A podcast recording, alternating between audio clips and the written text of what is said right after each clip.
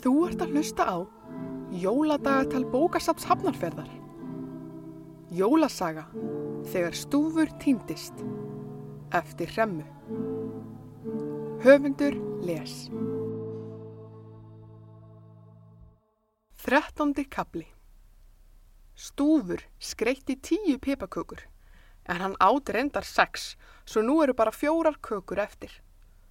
Honum er pínu illt í maganum eftir allan sigurinn en magaverkurinn gleymist fljótt þegar hann fer út í garð á samt börnunum.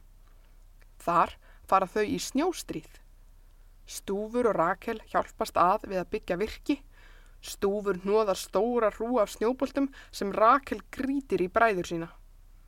Einn snjóbolti frá bræðrunum lendir á nakka stúfs og ískaldur snjó hrinur ofan í hálsmálið. Stúfur ílir af kulda og stekkur upp. Hann kastar snjóbolta tilbaka í átta bræðrunum en hittir ekki. Þeir hlæja en stúfur sér þá að þeir eru stattir undir grenitrí. Beint fyrir ofan þá er snjóþung grein. Stúfur nóðar annan snjóbolta, miðar og kastar í greinina. Bræðurinn hlæja því þeir halda að stúfur hafi aftur mist marks en einmitt þá fá þeir stóra hrúu af snjó yfir sig.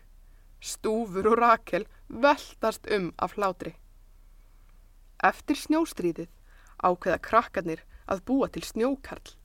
Þau gera þrjá risastóra snjóbolta og hjálpast að við að raða þeim hvern ofan á annan.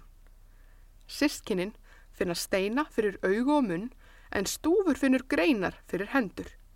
Signi, mamma barnana, kemur út með gullrótarnef en einni húfu og trefil svo snjókallinum verði ekki kallt.